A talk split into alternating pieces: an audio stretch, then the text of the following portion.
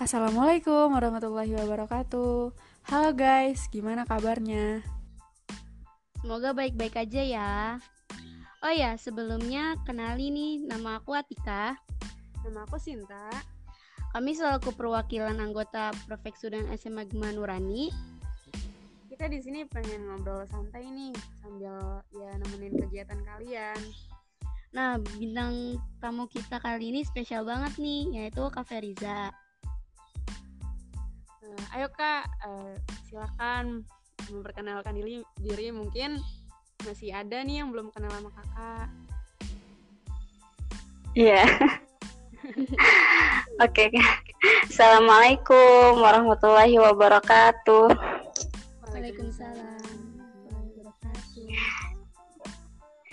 Iya, halo teman-teman semua, adik-adik semua dari SMA IT yang sedang mendengarkan podcast ini. Dan sebelumnya aku juga pengen kenalan sama hostnya ini.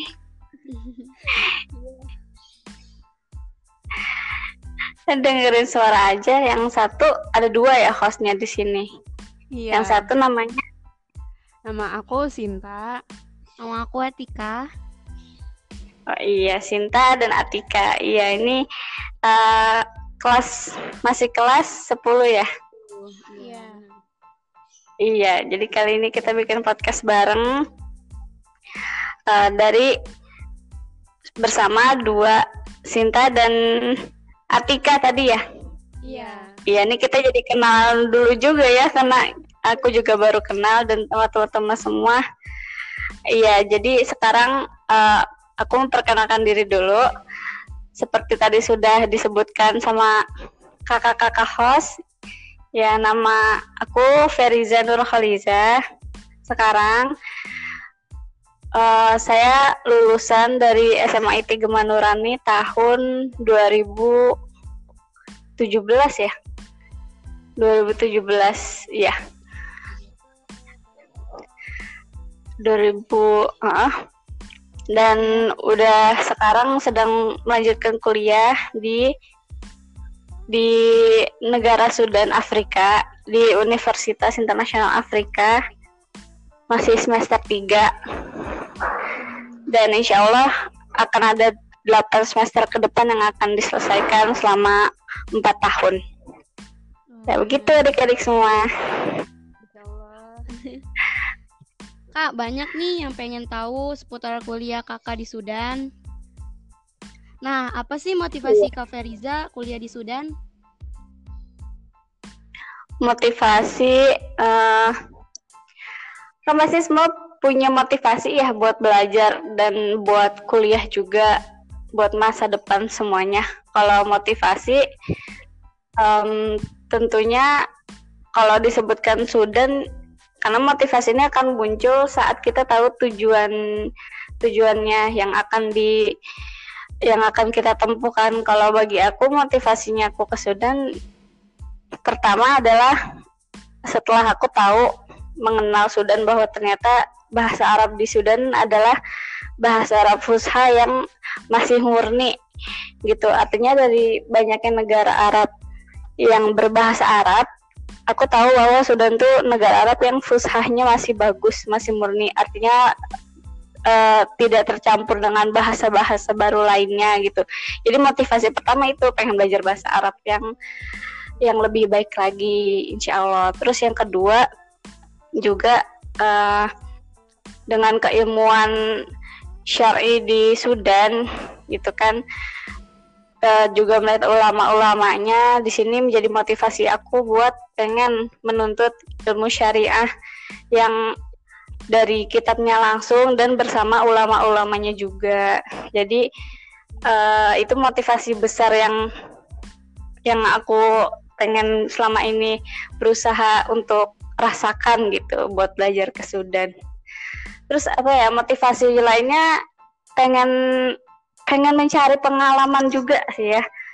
Di luar negeri kan pasti ada rasa feel yang beda, beda. gitu dengan bergabungnya sama orang luar negeri lainnya gitu ya itu aja sih ya, pasti uh, oh ya pak kan pasti kan kakak sampai titik ini kan banyak banget kan pengalamannya Nah itu bisa bisa nggak kak berbagi cerita sama kita gitu pengalaman apa aja yang udah kakak laluin?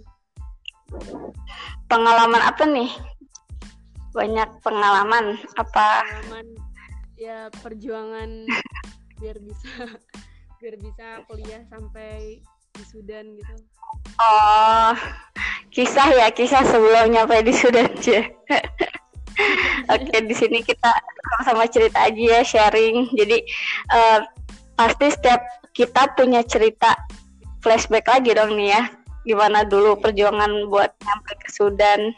Sama kayak aku dengan teman-teman lain juga uh, setelah di sini aku sering cerita sama teman-teman juga kita sama-sama sharing ternyata memang semua tuh perjuangannya sama dan punya cerita yang beda-beda unik-unik banget ngerasanya. Kalau buat aku sendiri uh, ini kesempatan aku buat uh, sharing ke teman-teman semua. Gimana dulu perjuangan waktu? Waktu ke Sudan tuh uh, apa ya yang pertama sebenarnya aku ya belum apa ya belum meniatkan untuk ke Sudan gitu. Karena kita kan masih kalau udah setelah lulus kalau dulu aku masih ngejarnya SBMPTN ke negeri-negeri dan ikut senam eh senam PTN enggak. SBMPTN dan ikut coba tes tes mandiri gitu. Jadi ada beberapa pilihan univ dulu yang aku ingin ingin coba. Tapi uh, Sudan itu justru bukan menjadi pilihan utama gitu kan. Ada di pilihan akhir-akhir bahkan udah benar-benar terakhir banget. Kayak ya udah deh gitu kan. Jadi dulu emang ada beberapa univ yang menjadi pilihan aku dan satu persatu aku coba. Terus akhirnya ada beberapa hasil yang uh, tidak memungkinkan gitu. Ada yang lulus tapi juga akunya kurang apa kurang diridoi orang tua terus ada yang beberapa kemungkinan lainnya. Jadi uh, semuanya itu dibatalkan. Terus sampai pilihan akhirnya dulu uh, aku pengen coba ke Tiba Aroyah ya yang ada di Sukabumi. Aku udah pengen banget ke situ. Bahkan udah dua kali pengen coba dua tahun berturut-turut tuh deh jadi uh, sempat gagal kan. Akhirnya nyoba lagi tahun depan jadi dua tahun. Tapi ternyata gagal lagi gitu. Padahal di situ orang tua udah ridho banget. Nah jadi di sini aku belum kepikiran buat ke Sudan karena tujuan utama aku adalah yang dari situ. Cuma uh, setelah itu waktu aku udah selesai lulus dari ada namanya di Mahat Wadi Mubarak sebenarnya aku juga pengen banget ke situ. Udah pengen ikut tes Hamin satu berangkat cuma kodarullah banget. Udah menjelang menjelang apa ya beberapa hari sebelumnya itu udah ditawari ke Sudan gitu. Ini ceritanya jadi alur maju mundur ya. Nah. Nggak apa-apa.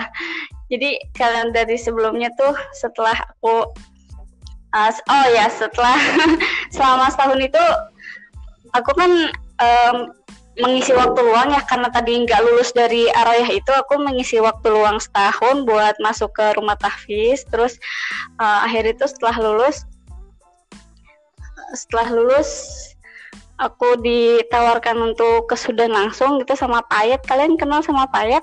Udah ketemu atau Payet sekarang udah nggak di udah nggak di Gema ya uh, sadar tahu sih kita waktu itu Tadi tuh pernah live buat nyambut Ramadan, cuman ketemu di live Instagram aja. Iya. Oh gitu, iya. Kalau zaman aku kan memang kepala sekolahnya Pak Ayat ya.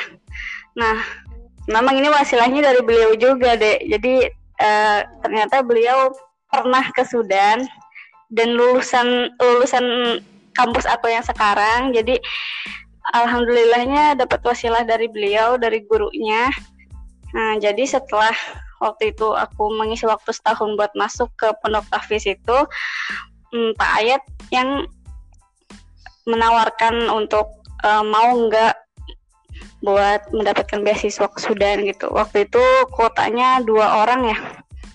Jadi uh, disebutlah aku sama satu lagi adik kelas. Sebenarnya dia masih adik kelas tapi masih bisa akhirnya berangkatnya beda kan. Jadi beda ijazah. Nah, jadi kita nge-flashback lagi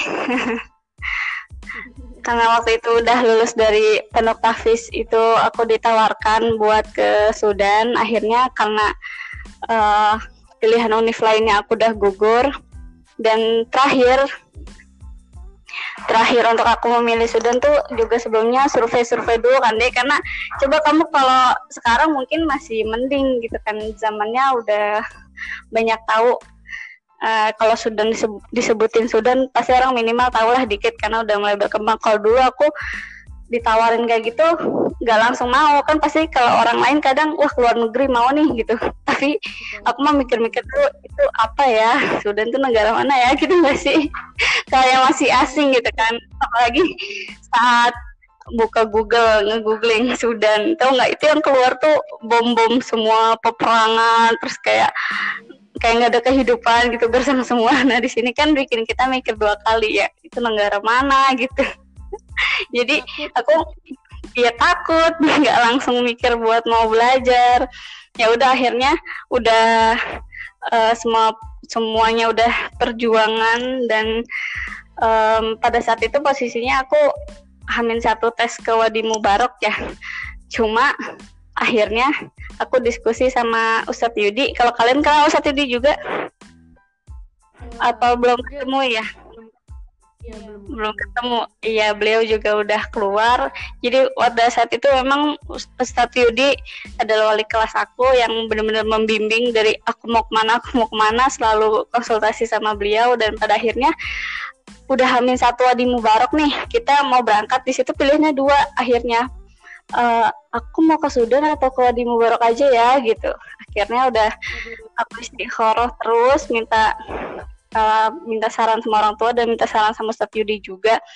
Dari situ akhirnya memilih untuk ya udah lepas aku nggak ke nggak ke Wadi Mubarak. Akhirnya ya udah aku ke Sudan.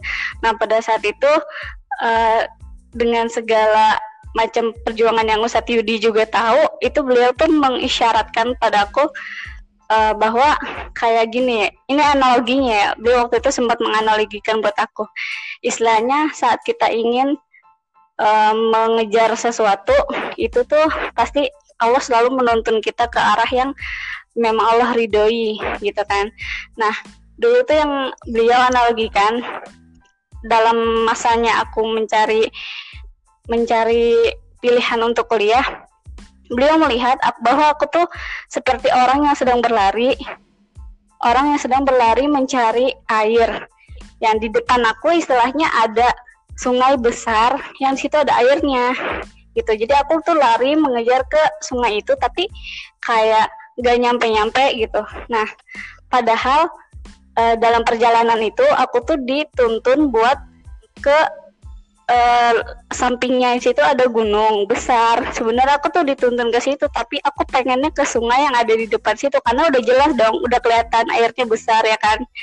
Nah yeah. jadi istilahnya aku selalu aku tuh berlari ke situ padahal uh, ditunjukinnya ke gunungnya di sampingnya. Jadi dia menganalogikan seperti itu padahal istilahnya uh, kita berlari untuk pengen mendapatkan sesuatu yang kelihatannya ada nih di depan mata kita gitu. Yang sungai besar tadi padahal kita ditunjukinnya untuk yang samping ke gunung itu dan ternyata beliau bilang uh, kita nggak tahu bahwa ternyata di belakang gunung itu ada telaga indah yang bukan cuma ada airnya doang tapi juga indah yang sebenarnya itu bisa lebih uh, dituntut kita buat ke situ gitu. Jadi istilahnya uh, itulah bagaimana Allah itu menuntun hati-hati kita buat selalu pada kebaikan gitu. Di situ artinya apa yang kita mau nih sebenarnya udah dituntun loh sama Allah gitu. Jadi kita udah tinggal ngikutin aja mau gimana gimana. Artinya semua jalan yang memang enggak uh, selaras dengan hati kita nggak bisa kita dapatkan akhirnya ya memang itu bukan yang Allah tunjukkan gitu jadi ya alhamdulillah pada akhirnya aku bisa ke Sudan. Cuman di sini beliau menitipkan pesan gitu kan. Artinya kan uh, aku waktu dulu pengen banget masuk ke Stiba yang di Sukabumi. Itu aku sampai sekarang eh waktu awal-awal sempat galau juga sih kenapa nggak ke situ gitu kenapa ke Sudan. Uh, karena kan bagi aku walaupun Sudan tuh luar negeri cuman memang aku awal pengen ke Aroyah ya gitu. Cuma waktu itu Ustadz Yudi bilang gini pesan uh, bahwa katanya mungkin hikmah ya hikmah yang beliau lihat. Kenapa bisa ya Pak? Gitu istilahnya Ustadz. Saya maunya ke Aroyah tapi Allah kasihnya ke Sudan gitu. Uh, aku masih belum bisa melihat apa hikmah ke depannya gitu. Cuman beliau tuh memberikan motivasi lagi ke aku bahwa uh, ini agak menyentuh sih perkataannya dan sampai sekarang aku masih terus ingat itu. Beliau bilang uh, barangkali Allah itu pengen menunjukkan kepada aku, memberi kesempatan buat aku lihat bagaimana cara belajar anak-anak aroyah, bagaimana semangat belajar anak-anak aroyah untuk untuk aku terapkan di Sudan gitu. Nah, jadi di sini pesannya waktu itu masih aku simpan, oh kayak gitu ya, untuk aku uh, jadikan itu motivasi gitu kan. Artinya dua kali ke sana gagal terus, ternyata mungkin Allah ngasih kesempatan nih buat aku adaptasi, adaptasi dengan anak-anak sana, lihat semangatnya buat aku terapin di Sudan dan ternyata benar. Aku sekarang ngerasain loh hidup di Sudan itu benar-benar bebas. Kita mandiri nggak punya pembinaan gitu kan kalau di sana kan pasti ada ustazah atau musyrifah yang bina kita kan tapi kalau di Sudan tuh kuliah bebas mandiri banget nah jadi di sini benar-benar quotes dari Ustadz Yudi itu benar-benar aku rasain. Wah iya uh, jadikan semangat teman-teman di sana tuh buat aku lebih semangat lagi di Sudan gitu. Karena di sini tuh dunianya bebas. Artinya kalau kita nggak punya motivasi dan semangat ya udah wassalam gitu kan.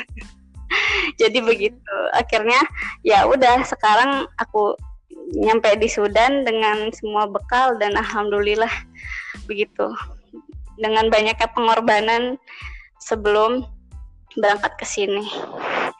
Gitu. Intinya semua ada hikmahnya gitu ya kak? Iya ada hikmahnya. Dan kebanyakan teman-teman aku yang di sini juga deh uh, kita setelah udah sharing-sharing ternyata memang Sudan itu bukan tujuan awal, bukan tujuan utamanya.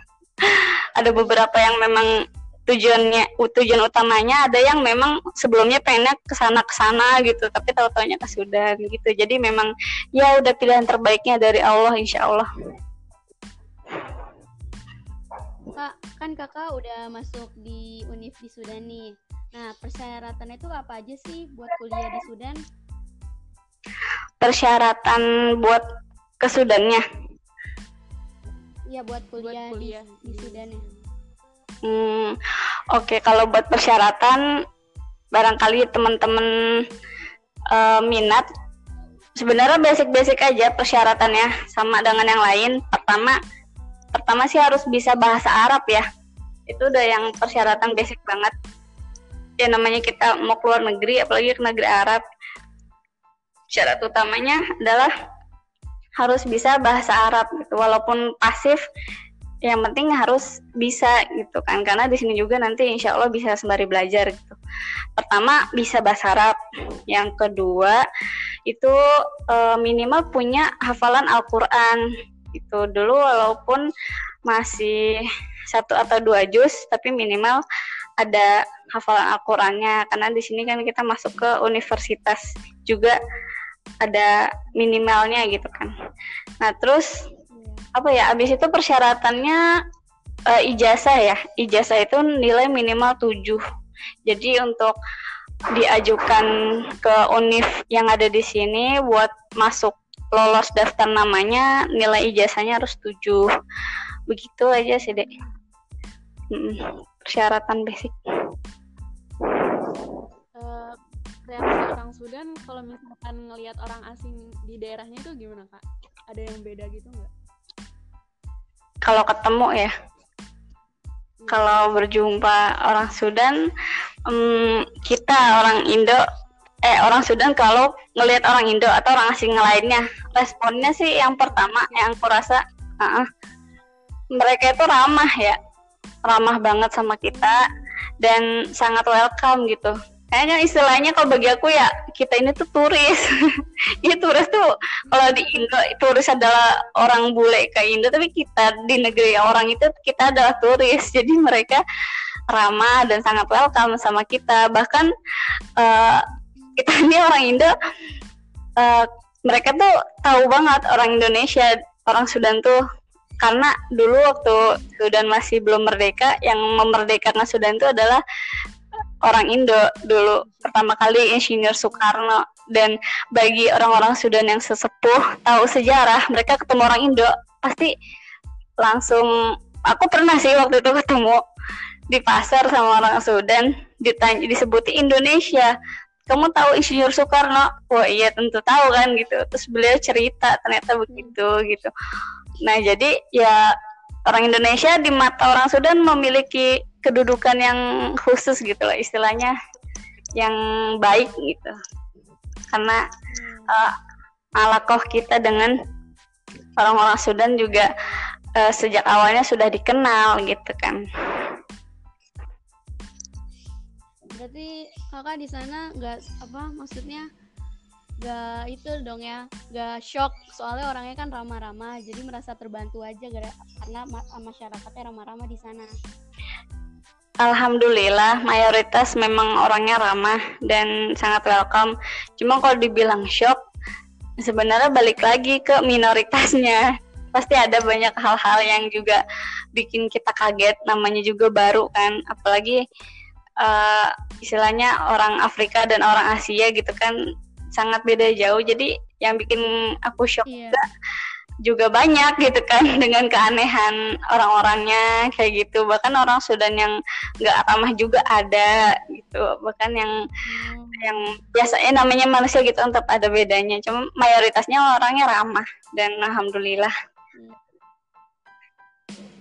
Gitu. Cara kakak adaptasi sama budaya iklim dan cara belajar di Sudan itu gimana sih kak? Cara belajar eh cara belajar adaptasi ya Hmm, iya. Kalau aku kalau ini kembali ke orangnya masing-masing ya. Kalau aku alhamdulillah memang aku tipe orang yang ekstrovert jadi suka aja sama hal-hal baru gitu dan berbaur sama dunia lain gitu. Kalau bagi aku sih cara aku adaptasi emang pertama ngerasa asing banget ya deh aku tuh sempat ngedrop juga bener-bener ngedrop kayak wah apaan ini gitu kan nyampe di bandara aja ketemu orang-orang itu. Hitamnya tuh bukan hitam yang biasa gitu. Tapi benar yang hitam pekat dan tapi dulu aku di Indo juga guru aku orang orang Sudan. Cuma kan itu istilahnya guru aku sendiri ya dan cuma satu orang gitu.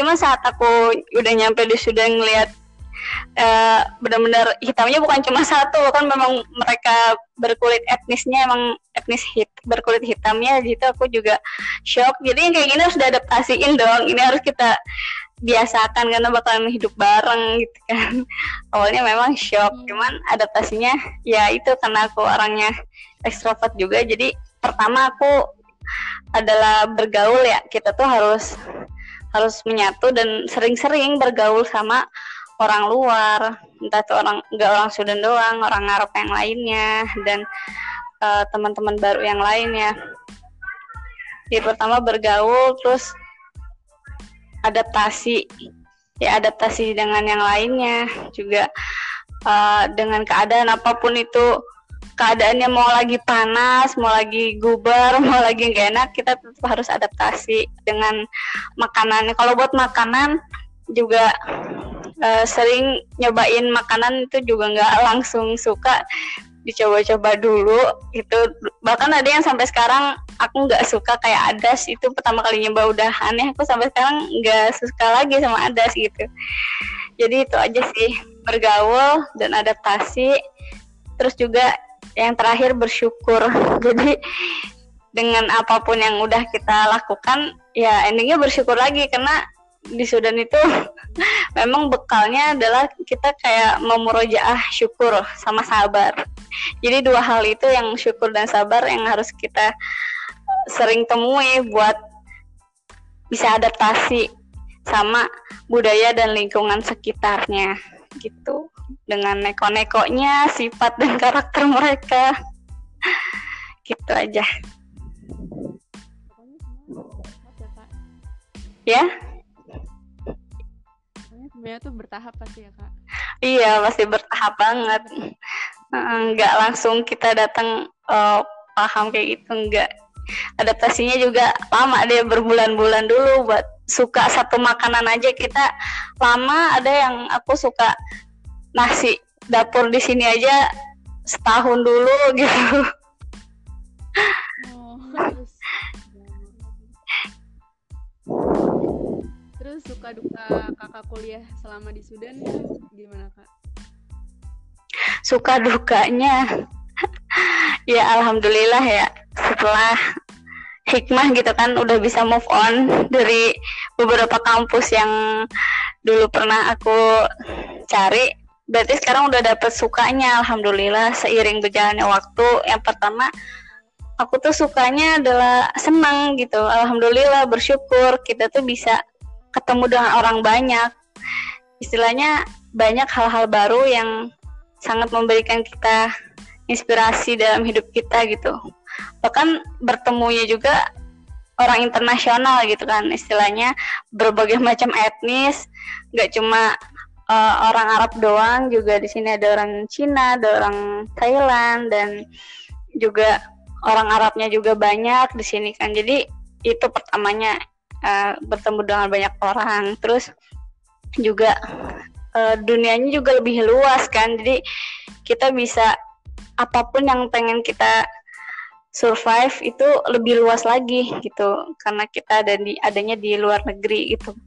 Nah terus uh, yang tadi aku jadi motivasi uh, sukanya bisa belajar dari syekh-syekhnya langsung gitu dan belajar Arab eh belajar bahasa Arab dari native speakernya langsung. Dan kita bisa apa ya menyerap keilmuannya gitu. Ya banyak sih sukanya yang lainnya. Um, juga bisa belajar lebih apa ya lebih luas lagi gitu. Kalau dukanya ini dukanya juga banyak nggak kalah banyaknya dukanya uh, pasti yang pertama ngerasa panas banget tahu itu sih yang pertama kesannya. Kayak panas banget baru nyampe baru nyampe aja bandara tuh udah kayak langsung terang. Apalagi yang kehidupan sehari-hari itu nggak ada. 30 derajat ke bawah kayak di Indo tuh nggak ada. Minimal 40 rasanya udah kayak oh. angin angin angin panas tuh kayak nggak gampar wajah aja gamparan halus dengan angin hangat gimana sih? Panas banget ya yang pertama dukanya. Banyak banyak ngeluh cuma dari panas doang gitu. Kita istilahnya uh, berjemur bentar juga udah ngerasain panas gitu. Emang itu sih yang pertama. Dukanya pasti panas. Negara Sudan tuh istilahnya negara terpanas di dunia kan apalagi di Khartoum. Itu yang pertama emang ngerasa panas terus kedua krisis ya dek. Kan Sudan ini uh, negara apa termasuknya miskin gitu kan krisis ekonomi. Jadi apa apa kita serba susah gitu kan. Serba kekurangan gitu. Tapi alhamdulillah cukup gitu. Maksudnya banyak hal-hal yang uh, langka gitu. Bahkan makanan pokok di Indo kita harus uh, bawa sendiri gitu dari dari Indonesia gitu. Terus banyak juga dukanya itu serba susah karena uh, banyak kelangkaan barang dan semua itu harus harus kita perjuangkan gitu. Sering jalan kaki sih di sini juga. Apalagi uh, hidup di asrama kan kita nggak punya kendaraan apa-apa. Paling di luar ada kendaraan uh, angkot gitu istilahnya mau sholat ada bajai juga. Tapi keseringan jalan sih selagi kita masih deketan gitu. Dan panas juga lumayan. Tapi udah budaya jalan kok. Gitu bedanya kehidupan di Sudan dengan Indonesia mungkin dari masyarakatnya kak? Oh iya, bedanya. Pasti kalau dari masyarakatnya. Uh, beda banget karena uh, istilahnya kita harus setiap ketemu orang juga kita harus paham dengan gimana adatnya dia, karakternya dia gitu. Dan pastinya perbedaan itu ya harus kita terima dan sikapi itu dengan baik gitu. Banyak perbedaannya di Indo sama di sini jelas. Uh, semuanya istilahnya keanehan yang membuat itu jadi pengalaman baru gitu. Karena aneh jadi wah oh ini gitu pengalaman baru. iya iya kak. Uh, biaya hidup itu ditanggung sepenuhnya sama beasiswa atau gimana biaya hidup buat beasiswa di Sudan ya. Uh, mayoritas dari beasiswa yang ada di Sudan itu memang ada yang full ada yang ada yang tidak ya beberapa persen aja. Kalau yang full benar-benar sampai asrama pun dapat. Tapi kalau yang nggak full atau yang terjun bebas itu mereka tinggal di luar itu. Nah terus kalau yang beasiswa full juga cuma mencakup uh, pendidikan aja kayak kuliah, terus asrama tempat tinggal dan biaya per semester. Tapi kalau untuk biaya keseharian itu nggak ditanggung. Jadi uh, kita datang ke sini buat kuliah dan tempat tinggal itu aman, tapi buat kehidupan sehari-harinya kita makan, kita butuh keperluan yang lain, jajan atau ongkos-ongkos itu biaya sendiri. Jadi tetap mahasiswa di sini punya kiriman masing-masing begitu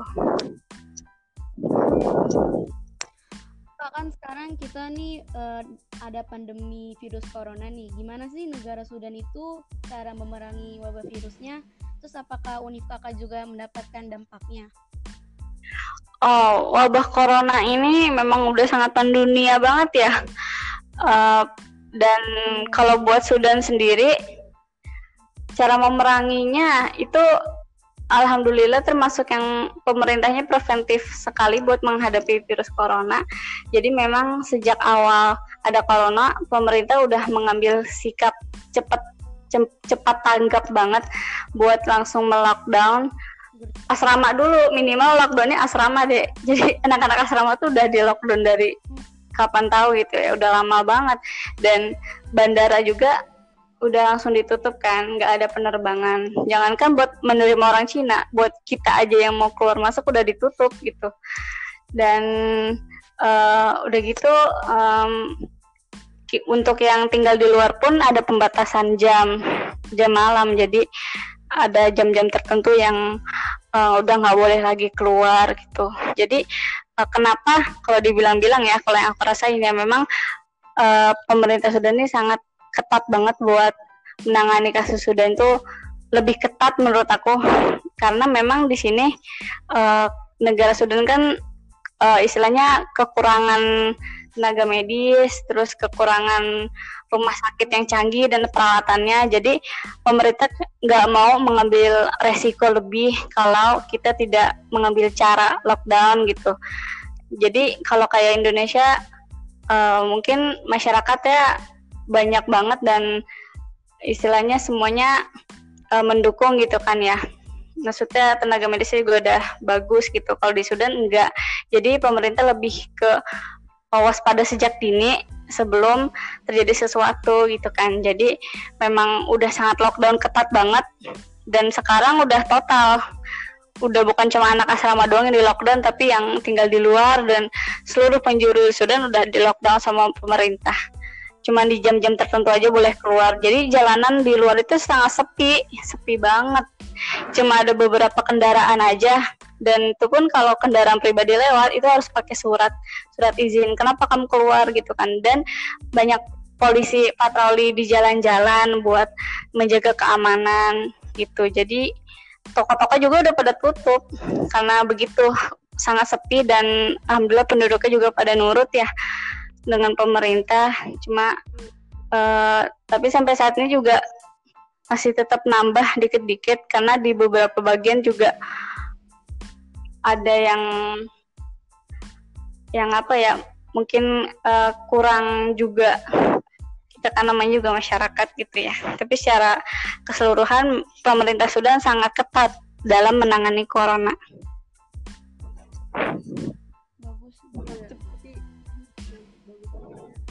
Iya. Kita apalagi anak asrama nurut aja. oh iya kak, Eh, kan tadi kita udah bahas nih tentang makanan yang tadi sebelumnya. Nah, kalau di Sudan itu ada nggak sih kak kuliner khasnya? Kuliner banyak banyak kuliner khasnya. Cuma kalau dibilang eh, kuliner Arab, sebenarnya ada beberapa makanan yang mau dibilang kuliner khas Sudan, tapi juga negara lainnya juga punya, kayak misalnya shawarma gitu kan. Itu makanan yang pertama kali aku tahu, enak banget gitu, kayak kebab deh, kayak kebab yang ada di Indo, kebab Turki, cuman jadi mau Cuma cobain isiannya beda, isian dan racik beda, tapi tetap pakai kulit-kulit kayak gitu. Jadi di sini bilangnya shawarma. Kalau di Indo kan adanya kebab Turki itu ya yang biasa. Nah, tapi Iya. Ternyata itu bukan makanan khas Sudan, istilahnya di negara lain juga punya shawarma shawarma. Nah, kalau buat makanan Sudan khas ya, yang khas banget itu yang aku tahu ada kayak namanya kisel. Jadi menu utama orang Sudan itu kan adalah roti. Kalau kita orang Indo menu pokoknya adalah nasi. Tapi kalau bagi orang Sudan itu roti. Jadi kisro itu kayak roti terus dipakein bumbu kayak kuah-kuah kacang gitu. Nah, kuah kacang tapi nah iya berbahan dasarnya jagung. Jadi kayak semua itu perpaduan gitu. Roti tapi bahan dasarnya jagung dan pakainya kuah kacang. Itu rasanya enak juga sih aku sekali nyoba itu. Dan terus pertama kisro terus yang kedua ada namanya kayak asida. Asida. Asida itu bahan dasar tepung gandum juga. Eh iya sebutannya bubur gandum karena uh, itu lembut kan kayak kenyal gitu. Jadi bahan dasarnya tepung gandum jadi kita nyebutnya bubur gandum. Nah, kalau kuahnya juga mirip kayak yang kisro tadi pakai kuah-kuah kacang gitu. Uh, jadi di sini emang suka dikasih bumbu-bumbu lainnya juga, bisa ditambahin bawang, irisan uh, daging-dagingan bisa dimasukin ke situ. Terus uh, apa lagi? Oh, namanya ada satu lagi gurosa. Kalau gurosa itu bahannya emang paling sederhana tapi masih pakai gandum juga. Jadi kayak eh, rata-rata berbahan iya serba gandum. Dan itu yang paling sederhana. Kalau ini biasanya eh, jadi makanan pembuka juga tuh terus ada namanya full kalau full itu kan eh, artinya kalau sini itu kacang. Jadi makanan yang eh, berbahan dasar kacang apa namanya? Kacang fava. Iya, jadi eh, full itu biasanya dicampur pakai ada minyak-minyakan, tapi pakai minyaknya minyak sayur, terus pakai roti dan semuanya itu diaduk jadi satu. Itu kita nyebutnya full kacang. Orang Sudan suka banget. Kalau aku kurang suka. Hmm. Oke kak, ada pertanyaan terakhir nih. Kasih tips dong kak bagi siswa yang mau melanjutkan pendidikan di luar negeri. tips buat em, semua siswa yang mau keluar negeri di mana pun itu em, pertama tipsnya dari aku adalah luruskan niat. Itu yang paling utama banget karena niat itu menjadi salah satu eh, apa ya dasarnya kita sebagai umat muslim buat innamal a'malu biniat jadi apa pun yang pengen kita jalani ke depannya, tekadkan niat, luruskan dan jadikan itu selalu lillahi ta'ala. Jadi eh, benarkan kita tancapkan niat-niat lurus yang baik untuk menjadikan satu eh, tujuan dalam misi kita ke depannya gitu. Pertama niat, terus yang kedua adalah berdoa. Jadi yang selalu ingin kita dapatkan terus itu didoain. Kita minta terus sama Allah. Bukan cuma buat mendapatkannya itu tapi agar dimudahkan perjalanannya. Dimudahkan dan uh, Allah jadikan apa yang kita lagi kejar itu menjadi satu pilihan yang terbaik gitu. Karena kita nggak tahu yang terbaik menurut Allah itu yang mana tapi berdoa buat uh, minta dituntun ke mana hati kita harus berjalan gitu. Terus yang ketiga adalah ridho orang tua jadi di sini ridho orang tua sangat menjadi peran yang penting buat apa pun yang kalian pengen dapat yang kita pengen uh, usahakan. Kita harus sertakan itu ridho orang tua. Apakah orang tua kita ridho dengan pilihan kita yang satu itu atau tidak? Atau orang tua lebih ridho ke yang lain gitu. Jadi memang mudah tidaknya perjalanan kita itu ditentukan juga dari ridho orang tua artinya kita uh, tetap dan jangan lupa buat menyertakan dukungan dari uh, ridho orang tua terhadap masa depan kita gitu. Terus habis itu adalah persiapan. Persiapan persiapan semuanya apa pun yang pengen kita uh, tuju di luar negeri buat maksimal. Jadi kita punya bekal. Tadi kan aku udah sampaikan persiapannya beberapa dan itu harus disiapkan. Nah, terus yang terakhir adalah istikharah. Jadi ini udah menjadi salah satu uh, step terakhir banget buat kita mengistikharah dan uh, kita me menundukkan hati-hati kita dari tujuan kita itu buat istikharah benar-benar Allah me, me, apa ya menunjukkan petunjuk dari sholat istikharah itu jadi dari apa yang udah kita usahakan terakhir kita pasrahkan pasrah di dalam sholat istikharah tersebut itu. Jadi pertama tadi ada luruskan niat, terus berdoa dan minta ridho orang tua, terus persiapan yang matang juga terakhir istikharah. Tuh.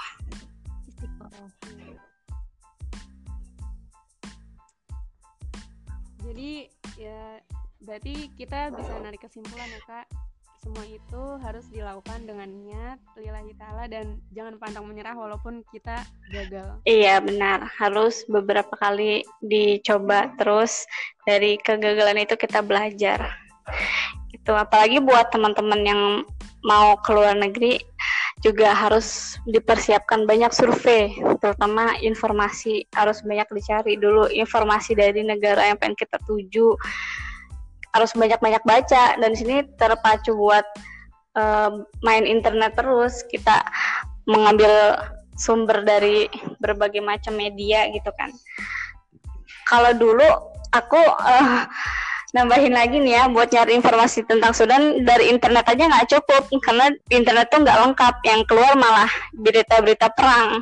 Akhirnya dulu aku mendekati beberapa orang yang yang aku anggap mahasiswa di Sudan gitu kan stalker istilahnya stalker di Instagram di ada kan Instagram PPI Sudan jadi aku stalker terus aku chatting sama salah satu kakak yang ada di sini juga waktu itu aku tanya-tanya. Jadi kita enak kalau misal cari informasi dari orangnya langsung mahasiswanya gitu. Jadi banyak-banyak informasi negara apa pun yang kita mau tuju kita harus coba informasi. Itu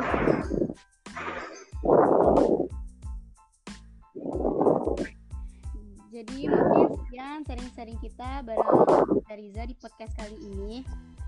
Makasih ya kepada uh, narasumber kita yaitu Kak Feriza yang telah berbagi pengalamannya kepada kita semua. Dan terima kasih kepada audiens yang sudah menyimak dengan asosias. Kurang lebih mohon maaf. Wassalamualaikum warahmatullahi wabarakatuh. Makasih ya Kak Sama-sama. Waalaikumsalam.